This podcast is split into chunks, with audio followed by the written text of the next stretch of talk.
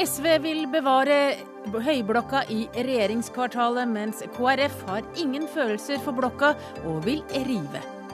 Farlig å ikke kalle maktovertagelse i Egypt for et statskupp. Det kan legitimere kupp i andre land, sier Torbjørn Jagland. Og ny mobilapp fra regjeringen skal få småbarnsfedre til å møtes.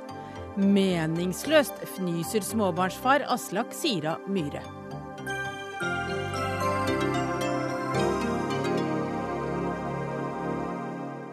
Velkommen til Dagsnytt 18, her du også får høre mer om hvordan pakistansk etterretning kunne overse Osama bin Laden i hele ni år. Jeg heter Hege Holm, og vi skal snakke politikk og hus her i Dagsnytt 18 de neste minuttene. La Høyblokka stå, sier kulturvernminister Bård Vegar Solhjell. Det sier han bare en drøy uke etter at et regjeringsoppnevnt utvalg har anbefalt å rive det høyeste huset i regjeringskvartalet.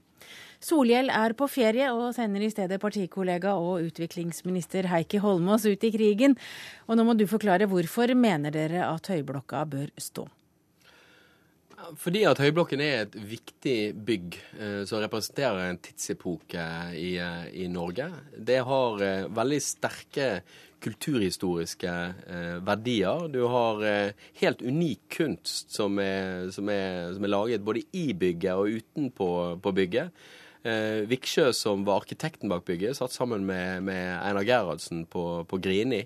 Det, det, er knyttet fryktelig mye historie til dette bygget, og det er ikke noe tvil om at betydningen av bygget ble ikke mindre etter 22.07, når nettopp det å forsøke å bombe bygget var, var, var, fordi det var et symbol, og er et symbol på makten og styret i, i, i Norge, um, lå som motiv for, for terroristen sine handlinger. Men eh, det regjeringsoppnevnte utvalget som jeg snakket om, som kom fram til motsatt konklusjon, de mener jo at eh, det å restaurere Høyblokka vil koste 400 millioner mer enn det å bygge nytt. Jo, Prisen spiller det ingen rolle?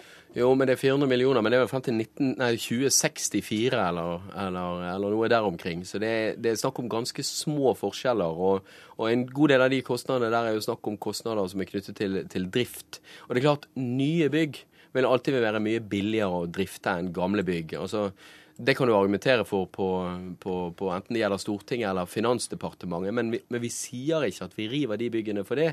Fordi dette til syvende og sist er et spørsmål uh, som er et politisk spørsmål. Vil, mener vi at de kulturhistoriske verdiene, verdiene av å beholde høyblokken er, er, så sterke at vi velger å la det veie tyngst? Eh, eller velger vi andre argumenter veie, veie tungt, sånn som utvalget uh, har gjort? Jeg, jeg mener som Oslo-representant og som en av de som stiller til valg for, for, for Oslo og til landet til, til, høsten, at dette er et spørsmål som velgerne har rett på å få vite hva de forskjellige partiene og hva de forskjellige kandidatene mener noe om. Og jeg mener at høyblokken bør stå. Ja, det er klart svar eh, fra Heikki Holmås i SV. Kjell Arvid Svendsen, du er stortingsrepresentant for KrF, og dere har tatt standpunkt om at dere vil at blokka skal rives. Hvorfor det? Ja, nå er Det jo sånn at eh, det viktigste for oss er jo at eh, vi ønsker et nytt bygg for regjeringen. Og så har faktisk det regjeringsoppnevnte utvalget kommet fram til at de anbefaler dette.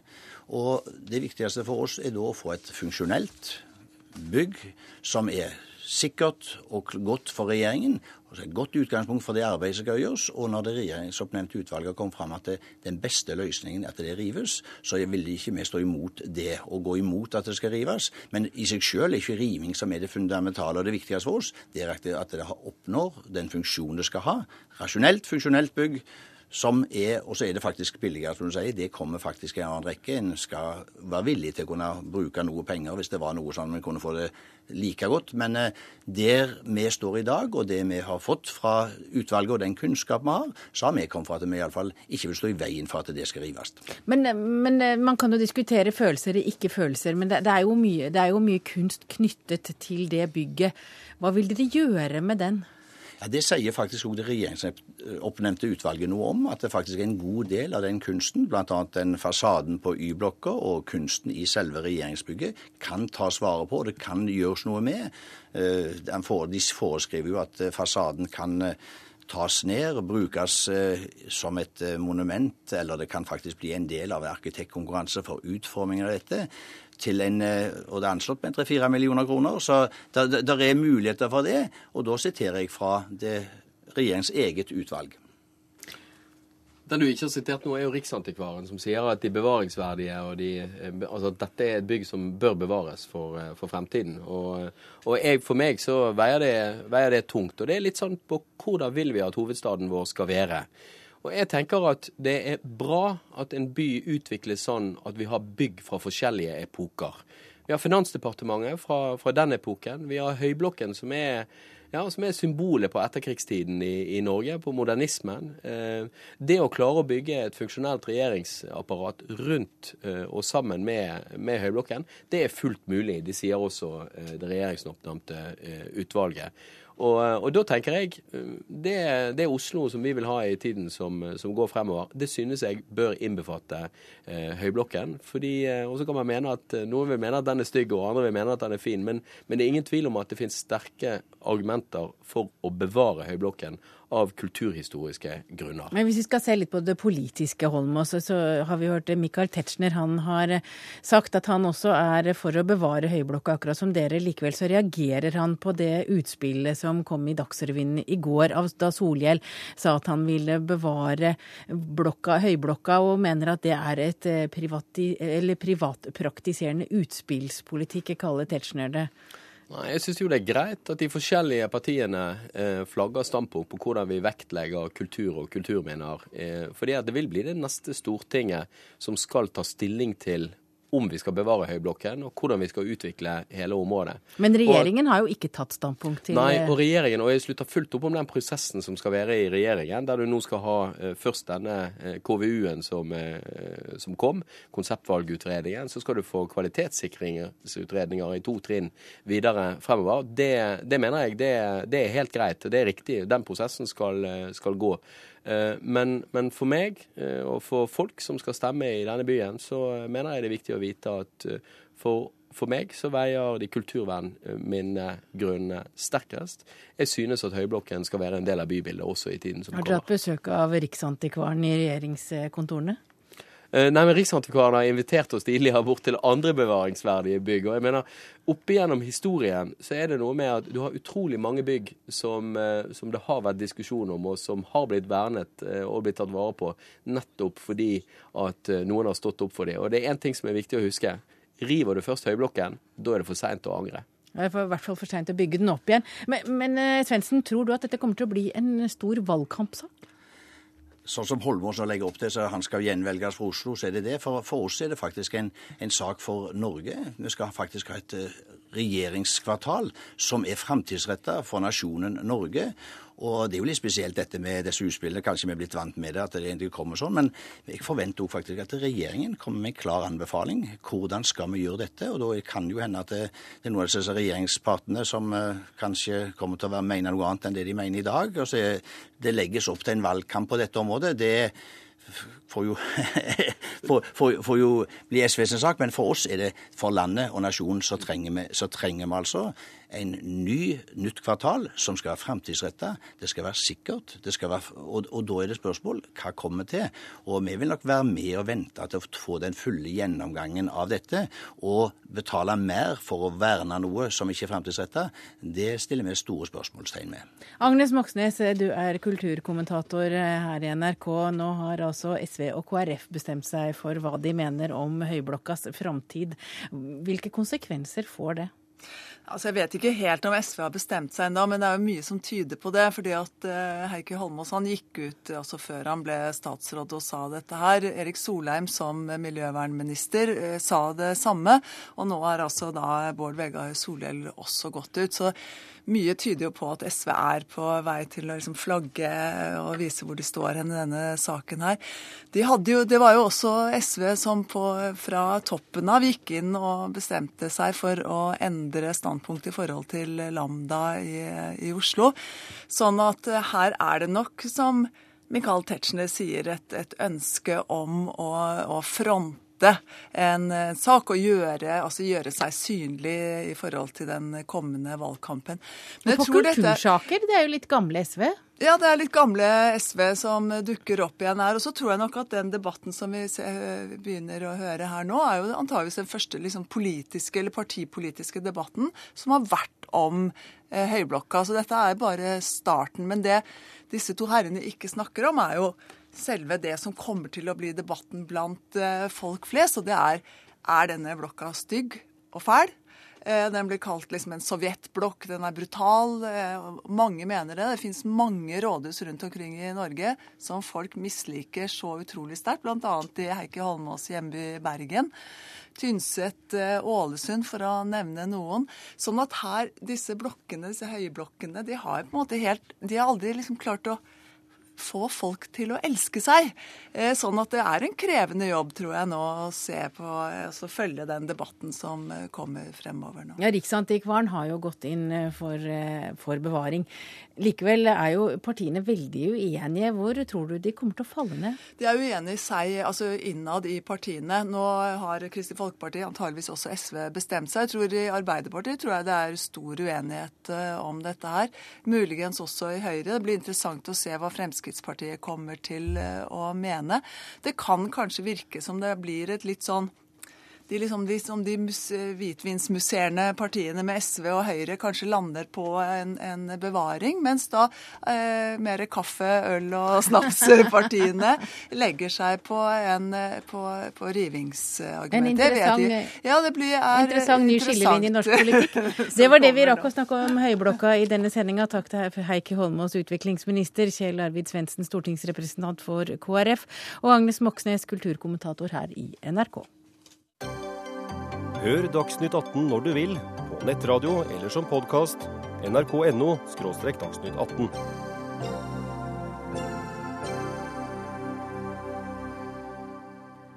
Da skal vi til Egypt, og i ettermiddag så har vi altså sett meldinger om at eh, landet har fått, eller at det er utpekt en ny statsminister i Egypt. Og Sigurd Falkenberg Mikkelsen, NRKs Midtøsten-korrespondent, eh, du er i Kairo, og hva vet du om den nye statsministeren? Ja, Det har vært eh, først og fremst vanskelig å finne en kandidat som favnet eh, noenlunde bredt, og som samtidig ville ta jobben. Det er ikke noen takknemlig jobb han har fått. Det er eh, Hassem El Beblawi som er den nye statsministeren. Det er en økonom, altså grunnleggeren av det sosialdemokratiske partiet her. Og Det er nok ikke så dumt valg. Han ses på som en relativt effektiv politiker. Han er en eldre mann. Eh, men ganske kjent her. Han var også finansminister under en av de tidligere regjeringene, og ironisk nok gikk han av eh, etter en eh, episode hvor nesten 30 mennesker ble drept av hæren, da stort sett kristne demonstranter. Og så har de også da gitt Baradei, Mohammed El Baradei, fredsprisvinneren, en slags superdiplomatjobb. Han skal være visepresident med ansvar for Eh, utenlandske forbindelser. og Det tror jeg også er et ganske smart eh, trekk. Eh, han kan forklare verden hvordan dette henger sammen sett fra de nye makthavernes side, samtidig som de får han ut av Egypt. Det er veldig mye strid rundt han som person. Han er en rød klut for mange islamister. De gir jo han nesten ansvaret alene for hele Irak-krigen. Så er han omvendt meget populær hos den liberale ungdommen her i Kairo. Men grunnleggende så er det et spørsmål hvor mye handlefrihet hæren vil gi dem. Og dette skal jo være forbigående lederskap, for i natt ble det vel klart at valget på ny nasjonalforsamling skal holdes om seks måneder. Og før det så skal de jo ha en grunnlov som skal til folkeavstemning. Så det blir eh, ganske mye å gjøre for eh, de nyvalgte. Ja, Det er ikke noe tvil om det, og det er en krevende eh, kalender som ligger foran dem. De jo, uh, det har vært en veldig rotete overgangsprosess eh, som ledet fram til valget av Mohammed Morsi, for å si det forsiktig. Så de prøver nå å gjøre dette bedre og mer effektivt. Men vi får se hvordan det går når Det muslimske brorskapet har satt seg på siden av prosessen og er ute i gatene og demonstrerer. Vi har også med oss Torbjørn Jagland, du er generalsekretær i Europarådet. Og du eh, har skrevet i Aftenposten i dag hvor du mener at det er farlig å la være å kalle det som har skjedd i Egypt for et statskupp. Hvorfor det? Ja, Det som har skjedd, har jo alle ingredienser ved seg uh, som et statskupp har. Og når man da så å si definerer det på en annen måte, så kan jo det være en invitasjon til andre, ikke minst i den regionen, om å sette til side valgte politiske organer hvis det passer seg. Uh, det er den ene tingen. Men det andre som jeg tror også er veldig betenkelig, det er at vi vanlig, Vanligvis så kaller vi slike ting som har skjedd i Egypt, for et statskupp. Men når det gjelder Midtøsten, når det gjelder muslimer, så har vi andre standarder. Jeg tror det uh, er et signal om at uh, Vesten ser på Midtøsten som en sånn spesiell region der man egentlig ikke kan forene islam med uh, demokrati. Og vi har jo også Vi har ikke mange gode eksempler på at militærkupp baner vei for demokrati. Uh, islamistene vant valget i Algerie og ble satt til side ved et militærkupp, så førte jo det til titusener av mennesker som ble drept. Så det, det, er vanskelig å se at dette kan føre til noe godt, men jeg håper jo at det gjør det. Men, men, den norske regjeringen bruker jo ikke ordet kupp. Det gjør heller ikke FN, EU eller USA. Ser de ikke faren? Nei, Jeg skjønner godt at man ikke gjør det også, fordi det har jo visse implikasjoner. Nemlig det at ved amerikansk lov så kunne man da ikke fortsette å støtte eh, Egypt økonomisk. Eh, så det er forståelig at også andre land da følger den eh, linjen. Men på den annen side så syns jeg da vi må gjøre det ganske klart hva en sånn støtte må innebære. Og det bør etter min oppfatning være nå at man, uh, civil, uh, at man, bringer det militære under sivil kontroll. For det å ha uh, et militære som, som, på en måte ligger i bakgrunnen og bestemmer om en demokratisk utvikling skal skje eller ikke, og ha en så stor tyngde i en økonomi, det, det, hører ikke hjemme i dagens samfunn. Det kan ikke bli noen utvikling eh, av det. Jeg har brukt parallellen til Tyrkia, der nettopp den samme situasjonen eksisterte, som brakte Tyrkia ned på bunnen, og katastrofale økonomiske forhold. Eh, og man måtte gå gjennom en prosess der det militære ble brakt under sivil og politisk kontroll, og andre reformer også som måtte følges opp. Den prosessen du hører, hører nå er i gang i Egypt, tror du den vil eh, føre fram? Det, er, eh, det, håper jeg jo, men det er jo veldig vanskelig når jeg hører nå at man skal ha på plass en ny grunnlov i løpet av seks måneder. Jeg steller veldig mye med grunnlovsspørsmål. Vi, våre folk her er jo uh, anerkjent over hele verden når det gjelder det. Bare én ting som er sikkert, det er at hvis man uh, forsøker å stand en grunnlov på kort tid og uten inkluderende prosesser, så blir det en grunnlov som ikke blir respektert. Så man må forsøke nå å få til en prosess der alle politiske krefter blir inkludert, og at det blir en plattform for Eh, demokratisk konkurranse, kan man si, som et demokrati må ha, for alle politiske krefter. Det var den, den feilen som brorskapet gjorde, at man prøvde å lage en grunnlov som passet seg, men som ikke passet alle de andre som må delta i et eh, demokratisk eh, spill. Men du mener jo at Egypt kan ha en del å lære av det som skjedde i Tyrkia, og, og hva da? Ja, det var det første, for det første at man måtte bringe det militære under sivil kontroll, politisk kontroll, og ikke spille den politiske rollen som det militære gjorde, ved at man stadig vekk kunne sette til side politisk valgte uh, myndigheter.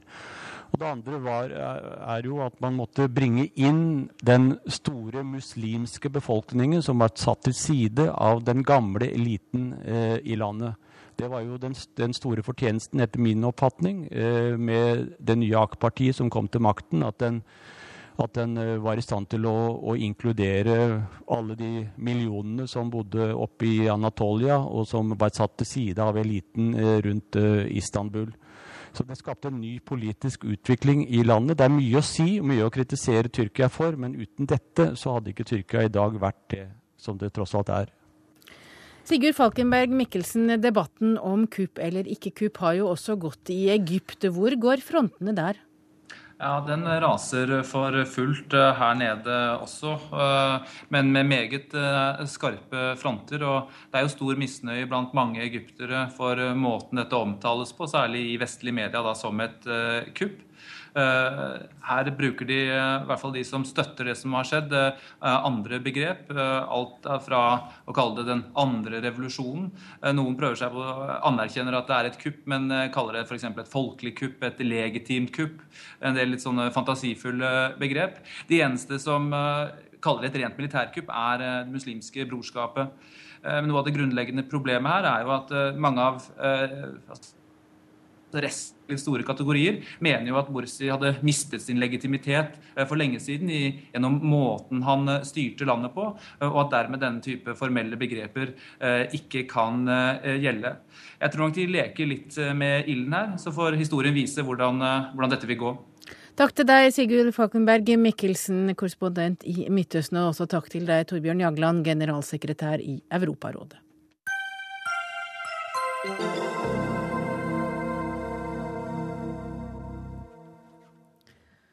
Den eh, såkalte nikkersadelen vil ha OL i Oslo i 2022 fordi de ønsker å se lekene fra kongetribunen.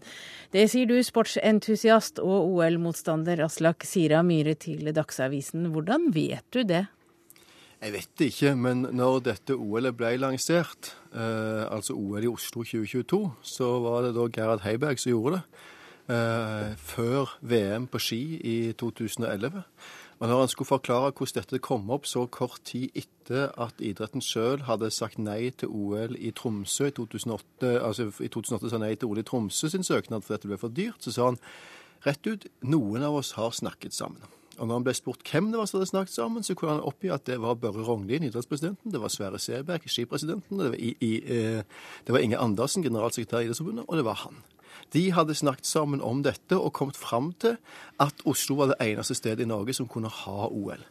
Min mistenker at de har ment det hele veien, at det aldri var tanken at verken Trondheim eller Tromsø eller Lillehammer skulle være aktuelle for et OL, men at det, ideen med å sette i gang en ny OL-prosess var for å få et OL til Oslo. Men Er det bare derfor du ikke vil ha OL til Oslo? Du nei, kan jo få OL meg, på dørstokken. Nei, det er viktig for meg, men det er viktig for meg dette. For det, er, det sier noe om Jeg er personlig et stor idrettsentusiast. Jeg ser alle øvelser i vinter-OL og sommer-OL. Jeg er alltid i Kollen, jeg ser hopprenn, jeg ser alt. Men det er noe med det forholdet Oslo har til resten av Norge som kommer så veldig til syne nå, og det forholdet vestkanten i Oslo har til resten av byen. Her skal man bygge et OL i og rundt Holmenkollen. Og For å gjøre det, for å få lov til å gjøre det, så er de nødt til å gi noe til Groruddalen. Så de sier nå skal vi jammen ruste opp Groruddalen hvis vi bare får det. Hvis vi bare får gjort dette. Så skal vi bruke 30 milliarder. Nå vet alle at OL blir veldig mye dyrere enn det det kommer i, eh, i, i, i forslaget. 179 dyrere i snitt blir OL. Men, men, eh, men, det er sagt nå 30 milliarder. Av det så går 3 til 4, eh, kanskje på beste 5 milliarder til anlegg. 13-15 milliarder går til gjennomføring, og så går det en halv milliard til opprustning av Holmenkollbanen. Så Det som går ut i Groruddalen og andre plasser, det ser jeg på som en slags sånn plaster på såret for at de skal få lov til å stå og se på kongetribunen i Holmenkollen atter en gang. Litt sånn som, som, man kan gi noe til Tøyen hvis man bare får bygge Lambda. Og Det som jeg reagerer på, er at det som ligger under her, det er noe sånn veldig sånn pompøst uh, og veldig sånn, så, sånn uh, offisiøst greie om at man, det skal være så fint og flott, det skal være så stort, hele verden skal se på Oslo, vi skal være så viktige. At det er den følelsen av å være viktig, å klippe snorer og stå fram, det er den som, som står fram for meg som begrunnelsen for dette OL-et, og ikke eh, i det idrettslige idrettsanlegget i Oslo, vinteridrettens kår og sånne ting. Olaf Thommessen, du er styreleder i Jo22, altså Ja til OL i Oslo. Og du har sagt at du vil veldig gjerne ha med deg en brennende sjel som Aslak Sira Myhre i toget som skal få OL til Oslo. Det ser ut som du har litt problemer med å få han med, men ehm, ja, vi får se etterpå, da. Nei, eh, ja, har han rett? Nei, det er veldig lite han har rett i, slik jeg ser det. Um, og, jeg, og jeg, jeg, kan ta to-tre ting. Det ene er jo at uh, grunnen til at mye av uh, OL legges rundt Holmenkollen, er jo fordi at der har vi eksisterende anlegg. Så noe av poenget her er jo at dette er et gjenbruks-OL, man bruker eksisterende anlegg. Og Det eneste stedet på vestkanten som brukes, er da Vylleløypa og Holmenkollen. Utover det så er det fra Grefsen og østover. Eh, Groruddalen som sådan blir sentrum for OL eh, i Oslo 2022. Det innebærer at man i praksis får to nye bydeler i Grorud. Eh, du får en fremvekst av studentboliger, som Sogn var det i OL 1952. Eh, du får ny medie, et nytt mediesenter hvor NRK kanskje skal flytte, slik at du får et nytt sentrum i Oslo øst. Eller et sentrum i Oslo som blir liggende på Oslo øst. Um, så Mesteparten av OL kommer faktisk å, til å, skje i Oslo øst. og jeg, slik jeg har lest det, og jeg har jo ikke vært en del av de som har snakket sammen og ikke vært noen av de som Nei, har du er jo ikke nevnt heller, så det nei, skal du nei, slippe nei, å bli beskyldt for. Så mitt poeng er at slik jeg oppfatter det, eh, og jeg står på samme sted, eh, nemlig på utsiden som Aslak, så oppfatter ikke jeg at dette er noe avlat i forhold til Oslo øst. Jeg opplever at det er Eh, rett og slett slik at det er det som er det mest hensiktsmessige. Så det er nummer én. Nummer to i forhold til kostnadene så er jo ikke tallene helt riktige heller. Eh, det som, for, det, for det som de tallene som Aslag legger frem, eh, for det første så er det ikke riktig at det alltid går eh, budsjettoverskridelser. I Lillehammer gjorde det f.eks. ikke det. Der holdt man seg godt innenfor rammen på 7 milliarder som var på den tiden. Og for det andre så er det slik at de 12 milliardene dette vil koste, når du trekker fra inntekter og alt annet, så bør det fordeles da ut på de neste ti årene, altså ca. 1,2 milliarder i året. Det er omtrent det samme som idretten får i tippemidler i år. Eh, det er godt under det eh, kulturbudsjettet er eh, per i dag. Slik at summene er også litt annerledes. Nå klipper snart Myhre av mikrofonledningen din hvis han ikke får svare. To ting om det. Det ene er at dette er ikke små summer. Og så er det interessant det du sier, du sier tippemidlene går i dag. Og de tippemidlene de går ikke til OL-anlegg. De går ikke i utgangspunktet til svære anlegg for konkurranseidrett på elitenivå. De skal gå til breddeidretten. Og en av idrettens egne begrunnelser for å si nei til søknaden om statsgaranti for OL i Tromsø i 2008, det var at det var et stort etterslep på tippemidler til breddeidrettsanlegg. I Oslo, som den byen dette skal gå i, så har vi et kjempeproblem med anlegg for breddeidrett i vinteridretter. Altså men Myhre, bare en kort ting. Var du for Tromsø? Hæ? Var du for OL i Tromsø? Jeg syns det var en bedre idé, men eh, jeg, jeg kom aldri så langt ta stilling til om jeg mente for eller mot. Partiet mitt var mot. Jeg syns egentlig at Tromsø-OL var en mye bedre idé. for jeg synes at Hvis du først skal lage hele Norges OL, så er betingelsen for at det skal bli hele Norges OL, at det foregår utenfor Oslo. Og det mener du det ikke er mulig hvis det skal foregå i Oslo? Problemet er at noe av det som samler Norge, det er motstand mot Oslo. Og følelsen av at alt kommer til Oslo, alt skal være her, alt skal være i og rundt den idretten og de tingene som foregår her. Men det jeg ville si, det er at Problemet for idretten i Oslo er at ungene, fem, seks, sju, åtte, niåringene som går på langrennsski Det har aldri vært flere som går på langrennsski i Oslo enn det er nå. Aldri flere i Norge. De går rundt på jorder fra Sognsvann og langt ut i Groruddalen. Og de anleggene har, de anleggene har idrettslederne og Oslo-politikerne som nå vil ha OL, ikke gjort, de har ikke løfta en finger for de anleggene i tiår etter tiår. Skøytesporten, som var en gang var Oslos ja. stolthet, har disse samme politikerne lagt ned her i byen. Så jeg tror ikke på dem når de sier at dette er til glede for idretten. Dette er glede for deres opplevelse på kongetribunen. Jeg, jeg må få lov å si noe før du lapper til meg med hånden din også. Uh, um, det jeg ikke forstår, det er på den ene siden så etterlyser du nye anlegg i byen. Det dette OL vil medføre, er fem-seks nye anlegg i byen. Både for vinteridrett og for flerbruk. Eh, og det er for breddeidrett. Eh, det faktum at man legger et OL i en storby som kanskje kommer til å være en million mennesker i 2022, i hvert fall med omkringliggende regioner, vil medføre at etterbruken av hvert enkelt anlegg vil åpenbart sikres. Og som du er inne på, Oslo er under, eh, si, underbemannet, har, har, færre idrettsanlegg per innbygger enn noe annet sted. Og Det som ligger til grunn for Aslaks kritikk her, og det er det som, egentlig, og det, er det som gjør meg litt trist, det er at han er egentlig ikke så veldig mot OL eller ikke mot OL, han er mot Oslo. Eh, så, så, alt som skal skje, skal skje utenfor Oslo. Og det er den, den, eh, den kritikken er, er, vanskelig å, for å være helt ærlig, å ta helt alvorlig. Det som er viktig med OL, det er ikke nødvendigvis det som skjer de to siste ukene, underforstått idrettsfesten. Den er selvfølgelig viktig. Det som er kanskje det viktigste og mest spennende med OL for hele nasjonen Norge, som Lillehammer var det for hele nasjonen Norge, det er det som skjer fra nå og frem til OL, nemlig hva vi fyller koppen, OL-koppen med. Eh, det kan være alt fra miljø, bærekraft, integrasjon, det faktum at mesteparten av OL kommer til å ligge der hvor det er flest ikke-etniske nordmenn i Oslo, kommer til å medføre en integrasjonsbølge som vi ikke har sett maken til. Mange vil hevde og dette kunne vi kanskje få gjort til uten OL, men, men, det synes det ikke som å gjøres, verken, verken når Aslak var politiker eller jeg var politiker.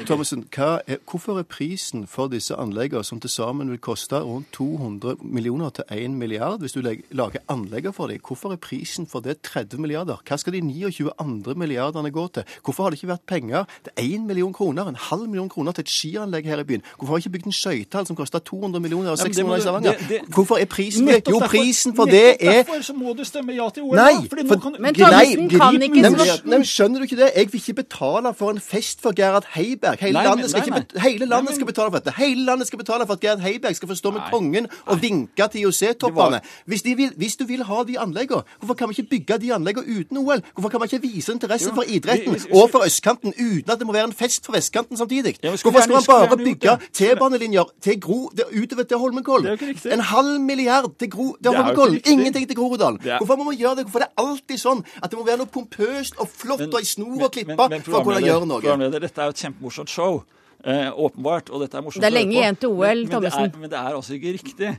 Eh, For det første det er det selvfølgelig ikke bare Holmenkollbanen som skal bygges. Og for det andre så det er det. Nei, selvfølgelig Men det ikke er lenge igjen til Det er OL. det er jo det, Thomsen. Det Og står i egne papirer. Og Aslak Sira Myhre han skal få bli sittende mens eh, du må forlate studio, Olaf Thommessen. Og det er lenge igjen til OL. Det blir flere debatter. Takk skal du ha. Aslak Sira Myhre, bare helt kort mens vi venter på neste gjest. Er det Oslo eller er det OL du er mest imot? Nei, jeg er veldig for Oslo og veldig for idretten i Oslo, men jeg er mot den kombinasjonen av Oslo, vestkant, idrettsledere, politikere, nikkersadel, at de skal få styre og skalte og valte med hvor anlegget skal være, og få bruke penger fritt og påvirke alt fra nasjonal traf trafikkplan til hvor skiskytteranlegget skal ligge i Norge. Da har du svart på det. Da går vi på neste sak, og nå kommer det Nå fyller studio med nye gjester.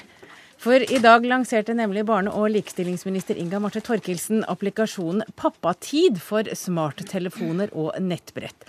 Gjennom et tastetrykk på mobilen kan pappaer i permisjon nå finne hverandre og treffe andre småbarnsfedre. Og Inga Marte Torkelsen, nå må du forklare hvordan fungerer en eh, Pappatid-applikasjon? Det fungerer sånn at når du har lasta den ned, så finner du lett tilgjengelig informasjon som eh, er tilpassa fedre, men fedre hver nå det, det er jo mye forskjellig for så vidt. Eh, og i tillegg så kan du bruke den til eh, å vise fram aktiviteter som du har lyst til å delta på, og som du har lyst til å invitere andre til å være med på. Og det som er spennende med den appen, det er at den kommer til å utvikle seg etter hvert som fedrene tar den i bruk. Tanken er at det er fedrene som skal fylle den med innhold sjøl, og at det gir en anledning for fedre til å møtes eh, på fedres egne premisser. Ja, så Hvis en far har lyst til å drikke kaffe med en annen annen far, så kan de bare legge ut beskjed om at nå er de på kaffe kaffe et eller annet eh, på hjørnet der og der, og så får de bare håpe at noen kommer. Er det slik? Ja, eller hvis de har lyst til å gjøre noe helt annet. Eh, og eh, på vei hit så mm, fortalte han som kjørte meg hit, da, som er en 50 år gammel far, at eh, han hadde kasta seg over den hvis han hadde kommet for tre måneder siden. Han var i grunnen mest irritert over at den ikke hadde kommet for tre måneder siden da han var ute i permisjon. Og jeg var litt interessert i å høre hvorfor dette her ville være så ålreit for, for nettopp han. Og det han sa er at det er jo ikke bare sånn at du går bort til en vilt fremmed på gata bare fordi han triller på en liten unge. Det er noe med å, å møtes over en aktivitet, at du faktisk har blitt invitert eller invitert noen til å komme, og at det også skaper vennskap. Det gjør at du eh, får et større nettverk og sånn. Og det er mange fedre som føler seg ensomme i permisjonstida. Ja, du er her fortsatt, Aslak Sira Myhre, og du har selv hatt eh, pappapermisjon. eh, Men eh, du skjønner ikke helt vitsen med med pappa-app? Jeg har en dag hjemme på ferie, og da ble jeg innkalt for å være imot ting på Dagsnytt 18. Så da eh, Nei, eh, jeg, jeg har to innvendinger mot dette. Først er dette en bagatell. altså Dette er en million kroner i et enormt statsbudsjett. og Det er ikke noe å hisse seg spesielt oppover i noen retning. Det er ikke OL vi snakker om. Eh, men eh, det er to ting som jeg reagerer på. Det ene er at jeg for min del så går dette over grensa for hva staten trenger å legge seg opp i. Altså Hva jeg gjør i pappapermen min, trenger ikke staten tilrettelegge for i det hele tatt. Og jeg føler faktisk litt sånn at slutt å mase. Slutt å mase med alle disse pappa- og terapigruppene og snakkegruppene og alt det andre. Jeg har tilbrakt til sammen over et år i pappaperm. Og klarte meg helt utmerka. Jeg syns ikke staten skal fikse meg ensom. Men, det, men det, det er egentlig en bagatell. Det andre jeg syns er mye verre, det er at Inga Marte Torkelsen og SV har de siste åtte åra gjort et fantastisk arbeid i regjering for å sikre fars rettigheter overfor unger. Utvida pappapermisjonen, fått fokus på det, tredelinger. Ting som er veldig bra, som er alvorlige strukturelle spørsmål.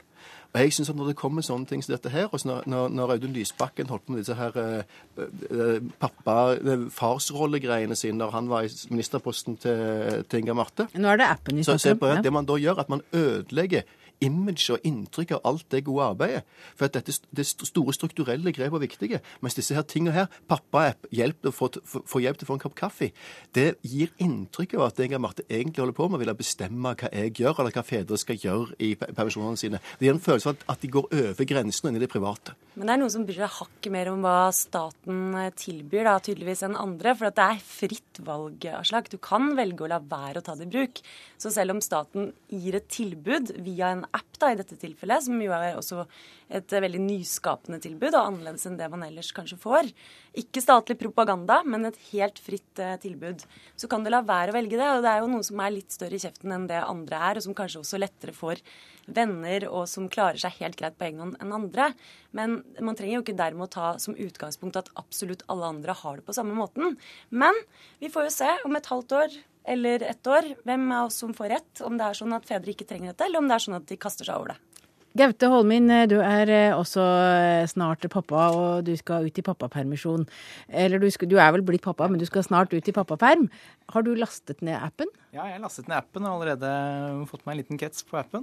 Eh, Jeg syns det er en god idé, Jeg har egentlig som litt sånn motsats til det med terapigrupper for pappaer og, og sånt noe. For her kan man egentlig sette litt premissene selv og, og bestemme selv hva slags type aktivitet man har lyst til å gjøre. Ja, men du Også, fant aktivitet der som du kunne tenke deg å bli med på? Ja, med en gang. Jeg liker ikke kaffe, så jeg drar ikke på kafé og drikker kaffe. Men jeg fant andre mer eh, ja, gutteaktiviteter som, eh, som jeg kunne tenke meg å ha vært med på hvis jeg hadde vært hjemme akkurat nå. Jeg syns det handler litt om respekt, da, hvis jeg bare kan kaste meg inn på det. Fordi eh, jeg syns det er mange som har reagert veldig sånn instinktivt, sånn som Aslak har gjort i dag. Eh, og litt sånn og staten er så nedlatende overfor oss mannfolk, og vi klarer å finne ut av dette sjøl. Men faktum er jo at det er mange menn som allerede har lasta ned, kasta seg ivrig over det, og som syns det har vært ubehagelig at de har blitt henvist til sånne barselgrupper som mange kvinner finner seg til rette i, men som eh, med, helt ærlig ikke alle kvinner heller liker. Eh, som eh, måte å møtes på. Og her er det veldig sånn styrt ut fra eh, det fedre, eller da også mødre for den saks skyld, sjøl ønsker seg. Eh, Og hvorfor skal vi være imot det? Og legge til rette for at fedre kan fylle et eh, offentlig tilbud med innhold? Som som jeg sa i starten, så dette er en liten ting, men jeg, men jeg forstår ikke hvorfor staten skal ta seg av, av dette. Altså, hvorfor, hvorfor skal staten ta seg av fritime i dette tilfellet her? Hvorfor skal staten lage akkurat den appen akkurat rundt dette? Hvis det er et behov for en sånn app, og hvis det faktisk er folk som vil bruke det, så er det noe vi vet nå, etter det er jo ikke mer enn fire-fem år siden appen begynte å komme, at apper lager seg sjøl veldig fort, og de koster ikke en million. De koster noen timers arbeid på et hobbyrom, og så går de i gang. Hvorfor skal staten gjøre det, Det der er så uinformert. Altså, jeg har gått eh, kostnadene nærmere etter i- i sømmene. Og funnet ut at det er verdt en million. Det er vanlig pris å betale for å få en skikkelig app. Og det fins offentlige apper som er langt dyrere ja, enn denne. Det er i hvert Helt fall helt sikkert. Så vi har vært veldig bevisste eh, i eh, bruken av Men det ligger penger. litt i grenseland mellom eh, privatliv og hva staten skal drive med. Ja, men vent litt. Grann. Fordi at eh, Kvinner har jo eh, holdt på å si i alle tider, det er sikkert ikke riktig, men i hvert fall lenge da, så har de fått et tilbud organisert eh, via det offentlige som heter barselgrupper, som jeg sa. Så prøvde man seg på noe à la det retta mot menn. Eh, litt sånn eh, ja, grupper, da. Ring, papparing. Det var ikke så veldig vellykka. Dette er en måte som er helt lavterskel. Det er ny teknologi som tas i bruk. At eh, staten eh, Noen vil si for en gangs skyld, jeg vil ikke si det, for staten er faktisk ganske god på å bruke ny teknologi, men at vi i hvert fall er innovative, nytenkende, prøver å utvikle noe på fedres egne premisser. Jeg kan ikke forstå hvorfor det skulle være gærent. Det handler om å ta fedre på alvor, akkurat som vi har tatt mødre på alvor. Solveig Horne, du er familiepolitisk talskvinne i Fremskrittspartiet. Du kaller appen for et desperat forslag i VG i dag. Hva er det som er så desperat med den? Først og fremst hadde jeg vel aldri trodd jeg skulle være enig med Aslak Sira Myhra i en sak, men akkurat her er jeg helt enig med han. Og, og det viser på en måte igjen med de der trillegruppene, og nå kommer det en app på at eh, regjeringen har på en måte litt mindre tro på at eh, fedre klarer også å finne på aktiviteter eh, når de er ute i pappapermisjon, og at de på en måte må lage til en egen apps. Ideen kan helt sikkert være helt god, det tror jeg ikke vi trenger være uenige i. Men Fremskrittspartiet har tro på at dette her, her klarer altså menn som er teknologisk flinke og, og klarer å lage både appser og bloggegrupper og klarer å aktivisere seg uten at det skal være statlige oppgaver. Og Det viser jo også det som også leste i VG, at det er faktisk fedre som har laga egne blogggrupper som, som klarer å aktivisere seg.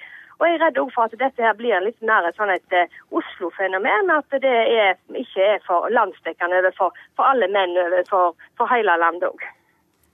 Nei, altså jeg, jeg, bare skjønner egentlig ikke hvorfor folk hisser seg så voldsomt opp. Ja, fordi at det, eh, Nå har vi eh, gjennom den rød-grønne regjeringa, og der har SV helt riktig vært pådriver, gått fra å gi fedre fem ukers permisjon, eh, som vi da hadde da vi overtok i 2005, til 14 uker fra 1. juli. Og det er jo kjempebra, for det betyr at vi bringer fedre nærmere barna sine.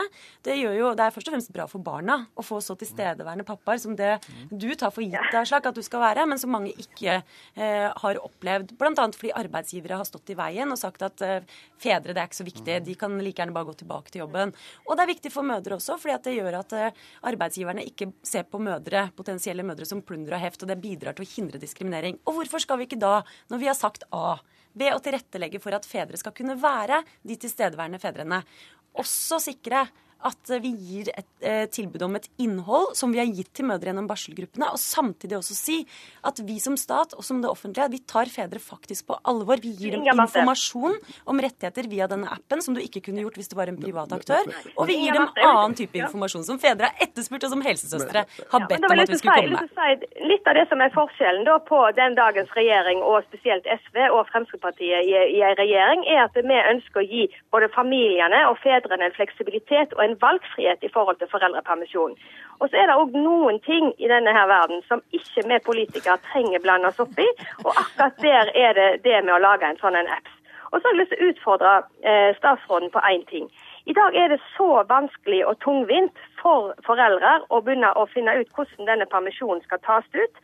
Sverige har et oppegående eh, nettmåte de kan søke på dette på nettet, som hadde spart Nav for nesten 600 stillinger. Det er altså ikke denne regjeringen villige til å begynne å satse på. Hadde de da begynt der og lagt hele den der fordelingen enklere, sånn at folk kunne sitte hjemme, familiene ved kjøkkenbordet, og valgt via nettet hvordan de skal fordele disse ut. Solveig Horne, nå har du sendt et tips videre til Inga Marte Torkelsen. Men de bruker jo Facebook via Nav, og det går det, kjempebra. Men det er ikke temaet vi diskuterer akkurat nå i, her i kveld, og vår tid er ute. Takk til deg, Solveig Horne, familiepolitisk talskvinne for Frp. Aslak Sira Myhre, som her er pappa. Gaute Holm min, pappa snart i permisjon, og da statsråd barne- og likestillingsminister for SV, Inga Marte Thorkildsen.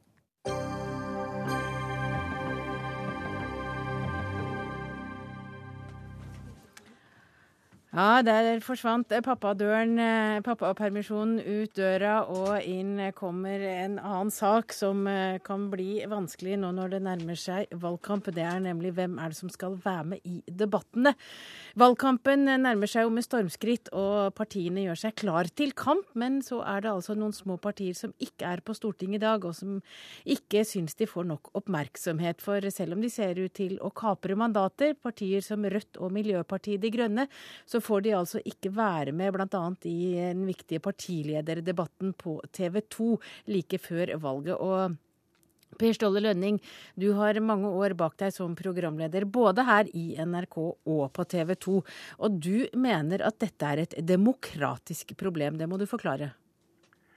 Ja, det er et, eh, et, eh, demokratisk problem i den forstand at de små blir holdne nede som eh, små. Og eh, de som eh, kommer nedenfra og vil opp, de blir stoppa. Og når du blir utestengt fra den største og viktigste arenaen, så, er, som TV jo er, da har du nesten tapt på målstreken, altså. På startstreken. Men er TV-debatten så viktig i valgkampen? Ja, den er, den er, den er veldig, veldig viktig. Og og eh, de partiene nå med realistiske muligheter av disse små, det er vel fire partier jeg kan se for meg som Rødt, Miljøpartiet De Grønne, De kristne og Demokratene muligens. Så det er ikke snakk om å ta med alle 24. Det vil ikke skape store problemer for TV-kanalene å, å, løse dette. og... Um, eh, jeg vil jo se på at dette er til hinder også for et eh, politisk mangfold. Ja, Du mener jo det er et problem for demokratiet. Hvorfor det? Ja, men jeg må bare få si at jeg har aldri sagt at eh, TV 2 er udemokratisk. eh, Og det mener jeg heller ikke. Ja, det er et problem for demokratiet for at uh, her uh, stanser uh, TV-kanalene demokratiske rørsler fra å komme til, til orde. Og eh, det blir eh, status quo. Jeg husker RV var veldig, var veldig eh, skeptiske til både TV Norge og eh, TV 2. Men spør eh, Erling Folkvår eh, eh, hvor han eh, fikk lov å stille eh, mest opp. Og Det var faktisk hos meg. Og han sa til meg, og det glemmer jeg aldri, han tok meg til side du eh, er viktig for demokratiet, sa han. Og det skal TV-kanalene være. Og det er de ikke her. Her sikrer de det bestående og hindrer eh, en slags politisk nyvinning, om du vil. Eller eh, farge, eh, fargelegging av det politiske landskapet. Ronny Oksvold, du er prosjektansvarlig for valget i TV 2. Nå må du forklare hvorfor ikke blant andre partier som Rødt og, og Miljøpartiet De Grønne får en reell mulighet til å komme med i partilederdebatten deres, eller nå de kan jo komme inn på Stortinget. Først vil jeg si at Vi kjenner jo Per Ståle Rønning fra TV 2 som en uh, engasjert mann både på demokratiets vegne og som en forkjemper for de små. Så her har både Miljøpartiet De Grønne og Rødt fått en god, god venn.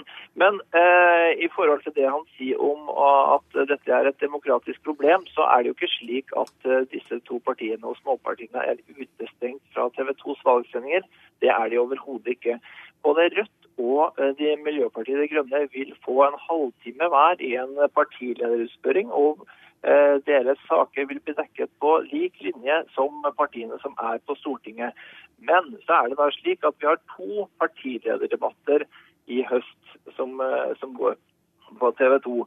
Og der har vi valgt, som vi har gjort ved tidligere stortingsvalg, å invitere de partiene som allerede er representert på Stortinget. Slik var det også da Per Ståle Lønning jobbet i TV 2, og slik eh, er det nå. For der velger vi å sette en, en grense. Eh, Men på partilederutspørringen så vil eh, De Grønne få Hanna Markussen, som er leder der, få like stor mulighet til å snakke om De Grønnes politikk som Erna Solberg får til å snakke om Høyres politikk osv. Så, videre. så de er overhodet ikke utestengt. Hanna Elise, Hanna Elise Markussen, du er talsperson for Miljøpartiet De Grønne. Hvordan reagerer dere på at dere ikke har fått være med i den avsluttende partilederdebatten? Vi syns jo det er eh, trist. Eh, det er jo klart at disse partilederdebattene er en hovedkilde til informasjon om, om partiene for veldig mange velgere. Eh, selv om vi syns det er veldig flott at vi får være med i bl.a. partilederutspørringen på TV 2, og vi syns også det er veldig flott at vi får være med i sluttdebatten på NRK, så er det klart det å ikke være med i alle de eh, sendeflatene eh, som folk flest orienterer seg politisk, blir problematisk. Eh, og det er jo noe med at vi opplever at det usynliggjør litt at vi er et reelt alternativ. Eh, nå har vi nylig fått en måling på 3,6, så det tyder på at, at vi, vi begynner å nærme oss sperregrensen og virkelig er et reelt alternativ. Eh, og vi mener det usynliggjør litt det, at for veldig mange så er det disse sluttpartilederdebattene som er der de tar den endelige beslutningen. Og er ikke vi til stede der, så er det mange som ikke vil tro at det nytter å stemme på oss i år. Og det, det gjør det jo absolutt, og derfor mener vi det er viktig for, for, for mangfoldet, rett og slett, og også for å vise velgerne at det finnes flere alternativer enn de etablerte på Stortinget, så mener vi det er viktig å slippe til partier som har en reell sjanse til å komme inn, slik som vi i Miljøpartiet De Grønne har i år. Ja, per Arne Kalbakk, du er nyhetsdirektør her i NRK, og dere har valgt å la Rødt og De Grønne få være med i partilederdebatten, og også valgt motsatt av TV 2. Hvorfor det? Den vurderingen vi gjorde, er for det første så tenker også vi, i likhet med TV 2, at grensa går et sted. En partilederdebatt med 24 store og små partier. Det blir vil, kaos? Jeg vil mene at det vil bli kaos. Og vi tror ikke det er en måte å opplyse velgerne på forut for et stortingsvalg. Men det vi har gjort, er at vi har gått gjennom meningsmålingene for det siste året, sett på, på, et snitt og sett på hvilke partier som ut fra disse målingene kan ha en realistisk sjanse til å komme inn på Stortinget. Og da vi, da vi gjorde den gjennomgangen, så var det da Rødt og Miljøpartiet De Grønne som har en slik realistisk sjanse. Og da mener vi at også de må få være med i den avsluttende debatten og få komme med en sluttappell på lik linje med de sju stortingspartiene. Oksvold, har dere eh, på en måte tatt den siste avgjørelsen hos dere i TV 2? Ja, vi eh, vil stå på den avgjørelsen vi eh, har tatt. og det er, Jeg syns det er fint at NRK lar De Grønne og Rødt bli med i den avsluttende partidebatten. Det skal de ha ære for. Men som Kalbakk sier, så må det gå en grense et sted. Og, og vi føler at vi har hatt denne, denne policyen nå over lang tid. At uh, stortings, uh, de partiene som er representert på Stortinget i uh, gjeldende periode, de vil bli invitert til partilederdebattene. Og så respekterer vi selvfølgelig at NRK velger annerledes. mens vi da på vår side inviterer de to partiene Rødt og De Grønne til partilederutspørring, som eh, forstår at NRK ikke vil kjøre i det hele tatt på fjernsyn. Så, så der velger vi litt annerledes. Men, men eh, det viktigste for, for, både Rødt og De Grønne må jo være at de får eh, frontet sine saker både på fjernsyn, radio og aviser og i det hele tatt. Og det er jeg helt trygg på at de vil få. Men Hanne, Hanne, Elise Markussen, eh, tror du det kan påvirke valgresultatet deres at dere ikke er med der i siste runde? Helt klart. Eh, som jeg sa, så er det jo mange som bestemmer seg helt på slutten av valget hva, de til slutt lander ned på. Eh, og da er det jo klart at de partiene som blir synliggjort i disse siste debattene, eh, vil ha en bedre sjanse. Og, og det vi syns er trist da å ikke være med i debattene også på TV 2, er jo noe med at for det første tror vi at debatten kan bli mer interessant eh, pga. det fordi det er nye perspektiver. Eh, og for det andre så er det jo dette at vi, vi, er en ny politisk bevegelse som har vokst veldig mye de siste årene. Og, og, vi tror at så lenge vi klarer å være synlige også i innspurten, så kan vi gjøre et veldig godt uh, valgresultat. Uh, men det er helt klart at synlighet helt på slutten har mye å si. Mange er, når det, er, det er mye politikk i media de siste, siste dagene før valget, og hvis du ikke er synlig de siste dagene da, så er det mange som, som nok kunne tenkt seg å stemme på oss, men som allikevel ikke velger å gjøre det fordi vi ikke er synlige i innspurten. Så helt men, klart at det påvirker, det er, tror men, jeg nok. Men nå er du i hvert fall, har, har du i hvert fall Ja? Eh, det er jo klart, Den siste målingen jeg har sett nå når du snakker, uh, snakker her nå, så har SV 3,3 og Miljøpartiet De Grønne 3,6. Det er klart at å utestenge Eh, Miljøpartiet da fra debatten, så har de tapt den konkurransen eh, mot eh, SV. Og jeg vil jo si til Oksvold at en, en trenger jo ikke, må ikke ha en regel. En kan ha en regel som tilpasser seg, tilpasser seg terrenget. Og bare et lite forslag. Hva med til både TV 2 og NRK? Det er ikke for sent å få det til. Lag en utfordrerdebatt med de mest aktuelle av de små partiene. Da har du sendt den videre. Takk til deg, Per Ståle Rønning, TV-veteran med fra Stord. Takk til deg også, Per Arne Kolbakk, nyhetsdirektør her i NRK, Ronny Oksvold, prosjektansvarlig for valget i TV 2. Og nå har du i hvert fall, selv om det er i begynnelsen av valgkampen, fått vist deg fram her i Dagsnytt 18, Hanne Elise Markussen, talsperson for Miljøpartiet De Grønne. Takk for det.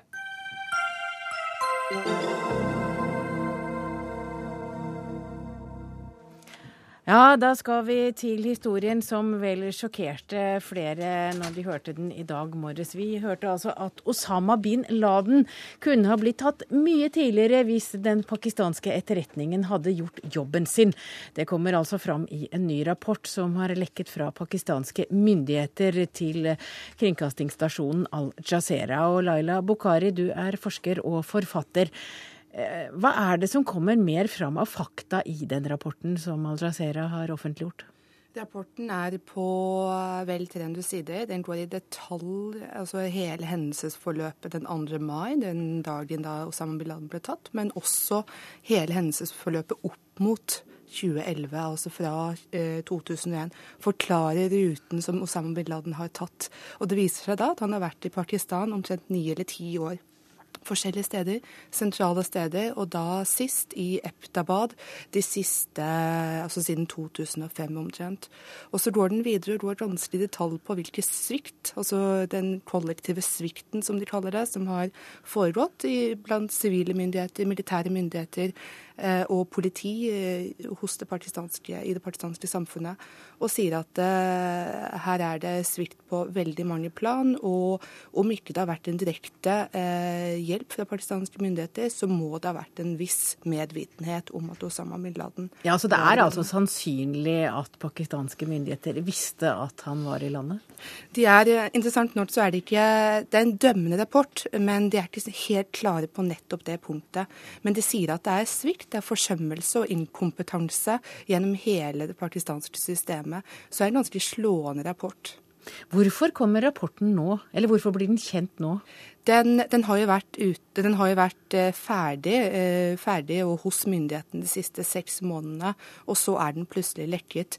Hva det kommer av, og tidspunktet, det er ikke jeg sikker på. Eh, men vi vet at kommisjonen brukte ett og et halvt år på å skrive den omtrent, og så har den da ligget i seks måneder. Og det var vel ikke kanskje meningen at den skulle bli kjent? Nei, og det er jo også når vi leser rapporten og leser hvor ærlig den er, hvor, hvor, detaljert den er, og hvor dømmende den er, også på, altså for det partistanske systemet, men også i forhold til samarbeidet i kampen mot terrorisme eh, internasjonalt, så er det, en ganske, det er ganske sterke saker. Ja, Anders Romarheim, forsker ved Institutt for forsvarsstudier. Dette er vel på en måte et bakholdsangrep på samarbeidet for å bli kvitt terrorisme? Ja, det, er, det samarbeidsklimaet mellom eh, USA og Pakistan det har vært uh, tynnslitt lenge. Og særlig etter dette raidet.